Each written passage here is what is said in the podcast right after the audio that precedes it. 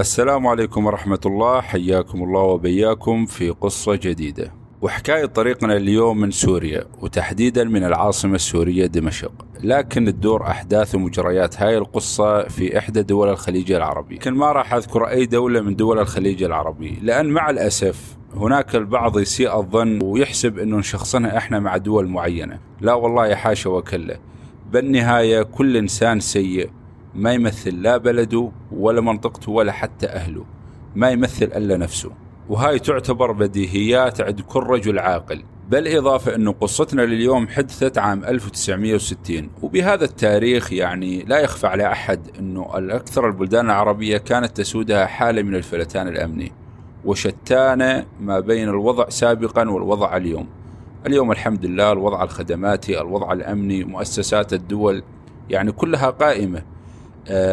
قد لا تكون في بعض البلدان نسأل الله تعالى يصلح الحال ولكن خصوصا الآن في الخليج العربي الحمد لله يسود الأمن والأمان ونسأل الله تعالى أنه يديم عليهم هاي النعمة. المهم وتبدأ قصتنا لما قرر الطبيب أبو سامر يترك آه، دمشق ويسافر إلى إحدى دول الخليج العربي. قرر أبو سامر يترك سوريا وكمل شغل الطبابة في إحدى دول الخليج. بالفعل وصل هناك وبلش العمل. أبو سامر أول ما وصل كان يشتغل على قدم وساق. كان دؤوب ومجتهد ويوصل الليل بالنهار ضمن ساعات عمل متواصلة دون انقطاع. حتى استطاع فترة زمنية وجيزة جدا أنه يصنع لنفسه قاعدة اجتماعية وشعبية مرموقة جدا. لدرجة وصل اسمه لأحد مسؤولين البلد واستدعاه طبعا المسؤولين بقطاع الصحة استدعاه للعمل بوحدة من كبار مستشفيات البلد. وبالفعل آه، لبى أبو سامر الدعوة الرجال قال له تعال حياك الله. بعد ما سمع عن مهارته وشطارته بالطبابة قال له اشتغل واخدم الناس وحدد الراتب اللي تبيه. أبو سامر ما كذب خبر قال ابشر لعيناك.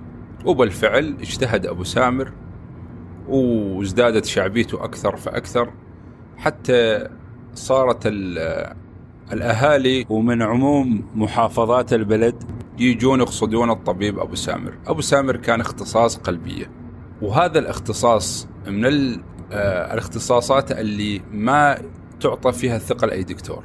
المهم أبو سامر الله فتح عليه وقال له هاك وسبحان الله حتى قدر يسحب أهله من سوريا وجابهم عنده.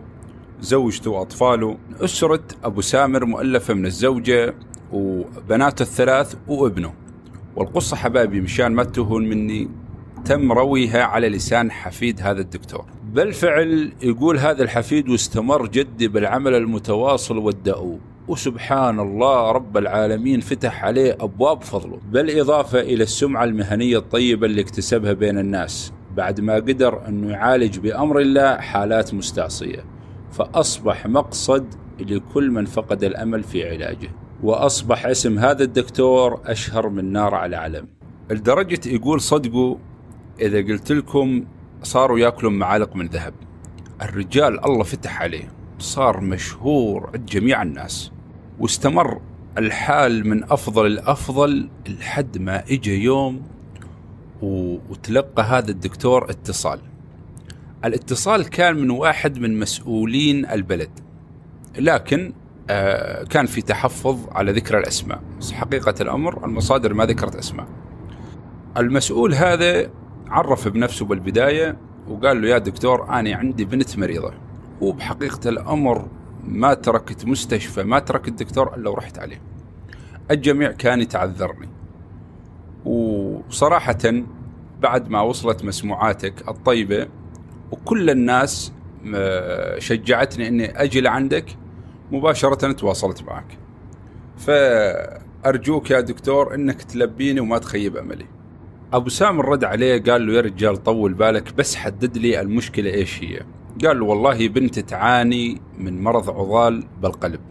وجميع التحاليل والتقارير اللي سويناها وكلام الأطباء ما كان آه، يبشر بخير. لكن والله كل أمل. يا دكتور أني ألقى حاجتي عندك. فتقفى يا دكتور لا تخليني. أبو سامر رد عليه قال له عين خير وطول بالك وإن شاء الله تعالى أنا اليوم الفلاني راح أكون عندك. بالفعل وبعد ما اجى اليوم المحدد أبو سامر وظب آه، حقيبته الطبية وتوجه آه، مشان يسلم على أهله قبل ما يسافر على هذا المسؤول. لما اجى على أهله كان في عنده بنته الصغيرة آه، عمرها تقريبا ثمان سنوات. هاي البنت مدللة مدللة لأبعد حدود عند أبو سامر. تغلي أبوها بدرجة مو طبيعية. فلما دريت أنه أبوها بده يطلع من البيت ويغيب الفترة يعني قلبت المنزل. إني ألا أطلع معك إني ألا أروح معك. يا بنتي طولي بالك. يوم يومين إن شاء الله ما أطول وأرجع. لا. البنت أصرت ألا تسافر مع أبوها. أمها ولما شافت بنتها وزعلها وصياحة أقنعت أبو سامر قالت له يا أخي خذها معك وخذها معك ما راح تضرك بشيء وما راح تشغلك بشيء وهن هاليومين وترجع. وافق أبو سامر وحسب وسائل النقل المتاحة بهذاك الوقت سافر وتوجه هذا المسؤول.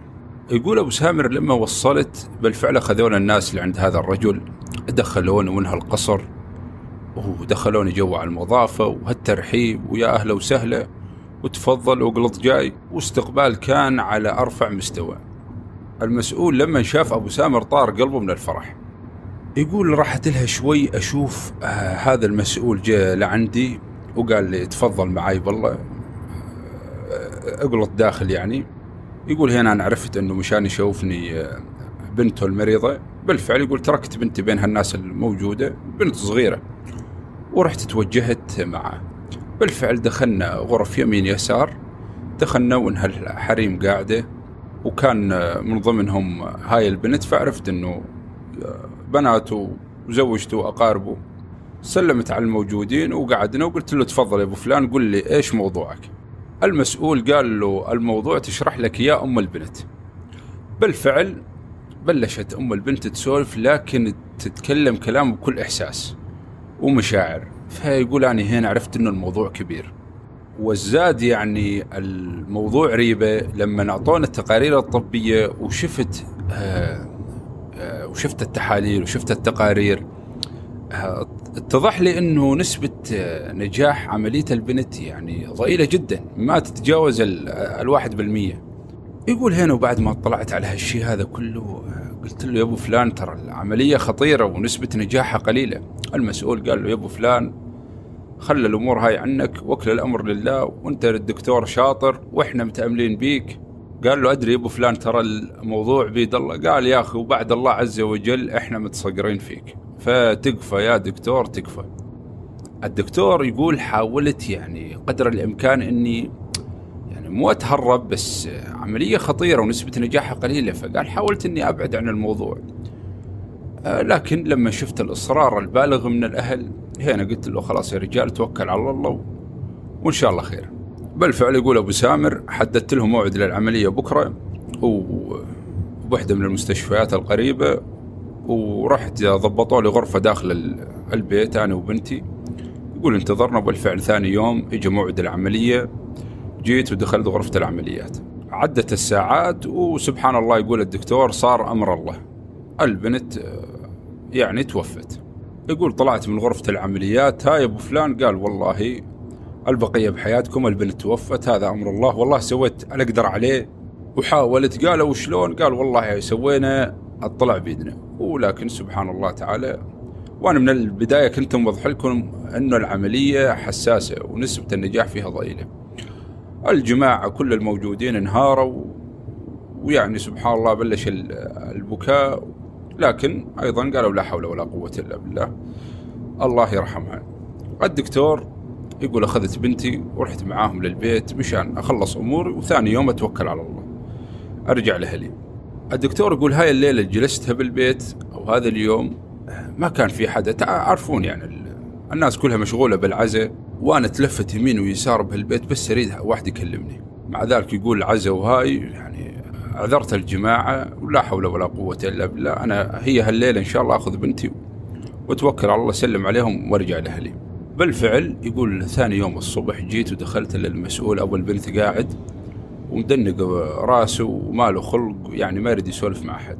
يقول جيت عنده حبيت على راسه وقعدت جنبه.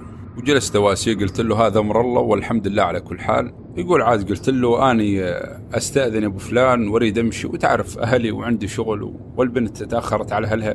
وبصراحة ودي أظل معكم البين ما ينتهي العزاء لكن والله أيضا عندي مرضى وناس تستناني. المسؤول رد عليه قال له ما عندك أي مشكلة توكل على الله وروح. قال له ما عندك مشكلة الله يستر عليك روح. ودربك خضر إن شاء الله. يقول الدكتور ناديت بنتي قلت لها تعالي سلمي على عمك قبل لا نمشي. يقول الرجال ناظر فيني المسؤول. قال ليش تسلم عليه قال تسلم عليه قبل ما نمشي أبو فلان. قال لا لا أنت توكل على الله البنت ما تروح. يقول الدكتور أنا طلعت عليه وقمت أضحك وقلت له يا أخي تستاهل إذا هالبنت تعوضك على بنتك خلاص جتك. المسؤول قال له تعوضني ما تعوضني البنت ما تروح. أنت لم اغراضك وتوكل على الله وعلى أهلك. البنت هاي ما تروح. قال له بنتي قال له البنت بنتك مو بنتك ما تروح. اطلع برا. يقول وأنا ثور عليه؟ قلت شلون أترك بنتي هنا؟ يقول فعلا جو الحرس وإنهم يريد يسحبوني. قلت لهم ما أمشي بنتي. هاي بنتي ما أتركها. إيش بلاكم يا الربع؟ صلوا على النبي طولوا بالكم. هاي بنتي ما أتركها. قال مالك عندنا بنت. توكل على الله روح. روح وأعلى ما بخيلك اركبوا بدال البنت اللي ذبحتها هاي البنت تعويض. روح. يقول نظرت بنتي بلشت تصيح وأني يعني أمر ما أريد أستوعب الموقف ما أقدر. يعني حتى بالخيال ما تصير. بالخيال لو تخيل الأمور هاي تقول كذب. يقول وأنا انغبن هنا ويا جماعة بنتي. ويقول بلشت أهدد فيه قلت له سوي وعمل. المسؤول ناظر لي وقال روح على ما بخيلك اركب مالك بنت وبنتك تظل هنا وروح اقلب برقعة وجهك وما أشوفك بهاي الديرة كلها. بالفعل يقول ما حسيت إلا جروني هالحرس. وطلعوني برا الديرة و... والسيارات تاخذني يمين يسار الا زتوني برا الديرة وقالوا لي روح على أهلك. يقول أنا لما رجعت وصلت الديرة اللي ساكنها حتى على البيت ما رحت مباشرة توجهت قدمت شكوى وحاولت ويمين ويسار واتصالات وكذا. يقول ما في ما في أكثر الناس ما كانت تجيب علي. قال أنا هنا عرفت إنه بنتي راحت. هنا يقول أنا رحت على أهلي وأول ما دخلت يا هلا والله يا أبو فلان الحمد لله على السلامة. وين البنت؟ يقول ناظرت فيهم. قلت والله بنتي راحت قدامي الموضوع واحد اثنين ثلاث. الأم هنا اسقط بيدها. شلون بنتي وصياح؟ قال والله يا بنت الحلال البنت راحت قدام عيني هنا الحفيد يقول جدي بالفعل ظل سنة كاملة. ما ترك شغلة وما سواها. حاول يمين يسار ليل مع نهار ترجع البنت وما في. لدرجة إنه راد ينتحر. لدرجة إنه جدة غيرت أحواله 180 درجة. سبحان الله وين كان وين صار. فمن الهم ومن التفكير والتعب والقهر ما طول له بعدها فترة وحط راسه ومات. توفى. توفى من القهر. ويقول سبحان الله تعالى صارت الأمور تأخذ غير منحة. يعني تبدل الحال على غير حال. وين كانوا وين صاروا بالفعل ما بين غفلة عين وانتباهتها يبدل الله من حال إلى حال. يقول هالعائلة اللي كانت حلوة وملتمين على بعض وعيشتهم حلوة ومستانسين؟ يقول سبحان الله البنت انخطفت راحت والأبو مات وأبوي بهذاك الوقت كان عمره تقريبا 11 سنة 12 سنة. ظل وحيد وعنده أختين وأمه. محتارين وما يعرف شو يسوون. يقول هنا بالمشهد طلع من هو خاله خاله اللي هو أخو أمه. يسولف يعني خال جده بالحسبة اللي هو خال البنت اللي انخطفت. يقول هنا دخل مشهد يعني سبحان الله دخل دخلة جدا قذرة. شلون دخل دخلة قذرة؟ جلس ويهدي فيهم وطولوا بالكم وأنا هنا بحسبة أبوك من راح. ومعلش وتتحسن الأوضاع لكن بقرارة نفسه يقول هذا الحفيد آه، كان آه، يريد يفكر يفكر شلون يستحوذ على هذا الملك كله بأسرع الطرق وأقل الخسائر. الكلام الآن على أبو على أبو الرجال هذا على أبو الحفيد أبوه. يقول لما كان عمره 12 سنة دخل خالي بالموضوع بعد ما مات أبوي. يقول لما مات أبوي تعرفون الخال دخلوا على أساس إنه الخال يعني وارد إنه يقوم بال بالواجب يقول خالي هذا ما كان آه، من عائلة من دمشق كان من آه، عائلة ثانية. يقولوا بيوم جا خالي ودخل عند أمي وجلس يهدى بيها والحمد لله وهذا حال الدنيا وطولي بالك. يقول خالي هذا كان سلتوح ما عنده شيء كان يعني فقير. فقير لكنه بنفس الوقت جايف ما يشتغل. ما عنده ولا شيء يعني تخيل. يقول جلس عندها وقالها الحمد لله هذا حال الدنيا وطولي بالك. لكن المشكلة والله يوم يوم فلان إن أبوكم ما ترك شيء. يقول أمي ردت عليه قالت شلون ما ترك شيء؟ كل البيوت والقصور هاي وما ترك شيء. يقول لا لا لا. الله يرحمه قبل ما يموت حول كل شيء باسمي. يقول هو لما راح سافر سجل كل شيء باسمي. لكن سبحان الله لما جو التهم موضوع البنت ما ما افتضى إنه يرجع الأملاك باسمه. يقول امي ردت له قالت أنت منين لك مشان تشتري منه؟ منين لك الفلوس؟ أنت فلوس ما عندك أنا أعرفك سلتوح قاعد عطال بطال قالوا لها والله عاد أنا شريت والعقود كلها عندي والأوراق كلها عندي. أثار الرجال داخل بحمله تزوير ومضبط الأمور كلها ومحول كل ممتلكات الرجل هذا باسمه. وجاء على أساس إنه يصارح بهذا الموضوع. يقول لما شاف إن المرة وقفت قدامه مثل الأسد وقالت له شو تقول وتسولف؟ قال والله أنا هذا اللي عندي. تريدين؟ ما تريدين. هذا الباب يوسع جمل. ولا أقول لك خليش قاعدة هنا بالبيت. يقول وتنقلب حياتنا للمرة الثانية. شلون انقلبت هسه؟ يقول طبعا الوليد يسولف أبو الحفيد. يقول جا خالي ودخل القصر وجاب هلو وقعدوا بالقصر. ويقول جابونا إحنا الأطفال كلياتنا لمونا وحطونا بغرفة تحت الدرج وجو مسكوا أختهم اللي هي أم الرجاف ودخلوها بغرفة وقفلوا عليها. لا أكل ولا مي ولا شغلة. فيقول بدأت علينا أيام عصيبة. يقول بالفعل تبدأ حياة جحيم أخرى. حياة ما كنا نتصورها بيوم من الأيام. يقول إحنا قفلوا علينا بالغرفة هاي تحت الدرج. ويقول ما ندري شنو الموضوع إحنا صغار ما إحنا مستوعبين. يقول أمي قفلوا عليها بالغرفة وتركوها لا مي ولا أكل. وأيضا انه هذا خاننا. ليش مقفل على أمي بالغرفة؟ أثاري مقفلين عليها مشان تموت لا مي ولا أكل ولا شرب. مشان تموت. شوف النذالة شوف التعامل شلون. أختك يا قدر يعني لهالدرجة واحد يسوي بأخته لهالدرجة. وكل هذا في سبيل المال. خلى هذا الرجال ينسى إنه يتعامل مع أخته. فعاملها معاملة شيطان. يقول إحنا كنا بيوم من الأيام نجيب قطعة قماش نبللها مي ونعطيها لأم لأمي من تحت الباب. فأمي تيجي تعصرها وتشرب. فمرة من المرات كشفونا. كشفونا وقاموا يحبسونا ومنعونا من هالشيء راحت راحت لها يومين ثلاث قالوا تتوفى أمي. يقول بسبب أسبوع كامل مر على أمي بدون لا أكل ولا شرب. يقول بالفعل بصباح أحد الأيام هذا الموقف كان مؤثر جدا ما أنساه. يقول جا خالي دخل الغرفة وبلش يصيح. ليش يصيح؟ على أساس إنه أخته ماتت. فيقول بلش يبكي. قال عاد هنا عرفت إنه بهاللحظة هاي أمي راح تودع توفت. يقول خالي لما بلش يصيح على الصياح هذا على أساس إنه أنا مالي ذنب وما وما نحمل الذنب يعني أختي ماتت. يقول جت الناس وشالت آه، أمي طلعتها من الغرفة متوفية. يقول والناس التمت يقول ولحظات لحظات كانت مأساوية. يقول أنا هنا صفنيت أبوي توفى وأختي راحت انخطفت وهذا أم توفت. يقول خواتي يصيحن فيقول يعني هنا الدنيا هامت بي. واطلع من بينهم ما حد لاحظني وافتح باب البيت و... يقول هنا الهروب كان هروب خوف هروب من الحياة نفسها هروب من المجتمع هروب من كل مأساة مريت عليها. يقول وأنا أركض أركض وأتخيل أتخيل كل شيء مريت به فيقول سبحان الله مرت الأيام فيني ومرت السنوات كبرت وأنا ما أدري عنهم أبدا. أحاول إني أتصيد أخبارهم من يمين ويسار. ما أدري إيش اللي صار على خواتي. يقول بعد سنوات يقولوا لما التقيت بخواتي يقول عرفت إنه هاي العائلة صارت عائلة خالو يعني. صارت من أغلى العوائل المعروفة بالمنطقة لكن سبحان الله ما الله وفقهم. يقول كان كل يوم تصير عندهم حالة وفاة واحد ميت بحادث واحد ميت بمخدرات واحد داخل سجن. ما الله وفقهم أبدا. مال الحرام أكلهم.